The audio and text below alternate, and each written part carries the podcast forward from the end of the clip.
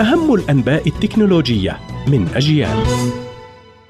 إليكم نشرة التكنولوجيا من أجيال. أهلا بكم. شركة كالت الصينية الأولى في العالم لتصنيع بطاريات السيارات تكشف عن نموذج لأول بطارية بشاحن فائق السرعة. قادرة على توفير طاقة للسير مسافة 400 كيلو متر عند الشحن لمدة عشر دقائق فقط. وستشرع الشركة بإنتاج البطاريات الثورية في وقت لاحق من العام الجاري.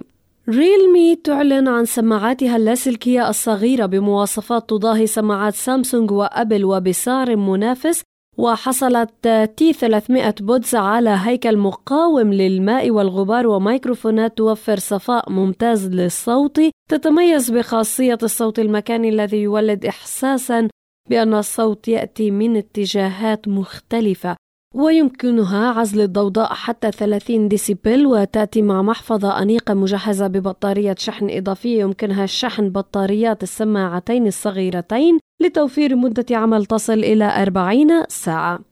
شركة مايكروسوفت تتيح رسميا الوصول إلى روبوت دردشة Bing Chat من خلال متصفح Google Chrome في أنظمة ويندوز وماك ولينكس بعد كروم متصفح الإنترنت الأكثر انتشارا حول العالم. ويعتمده نحو ثلثي مستخدمي أجهزة الحاسوب تقريبا ويمكن لروبوت مايكروسوفت الإجابة عن مختلف الاستفسارات وتلخيص المحتوى وإنشاء صور استنادا لأوامر نصية.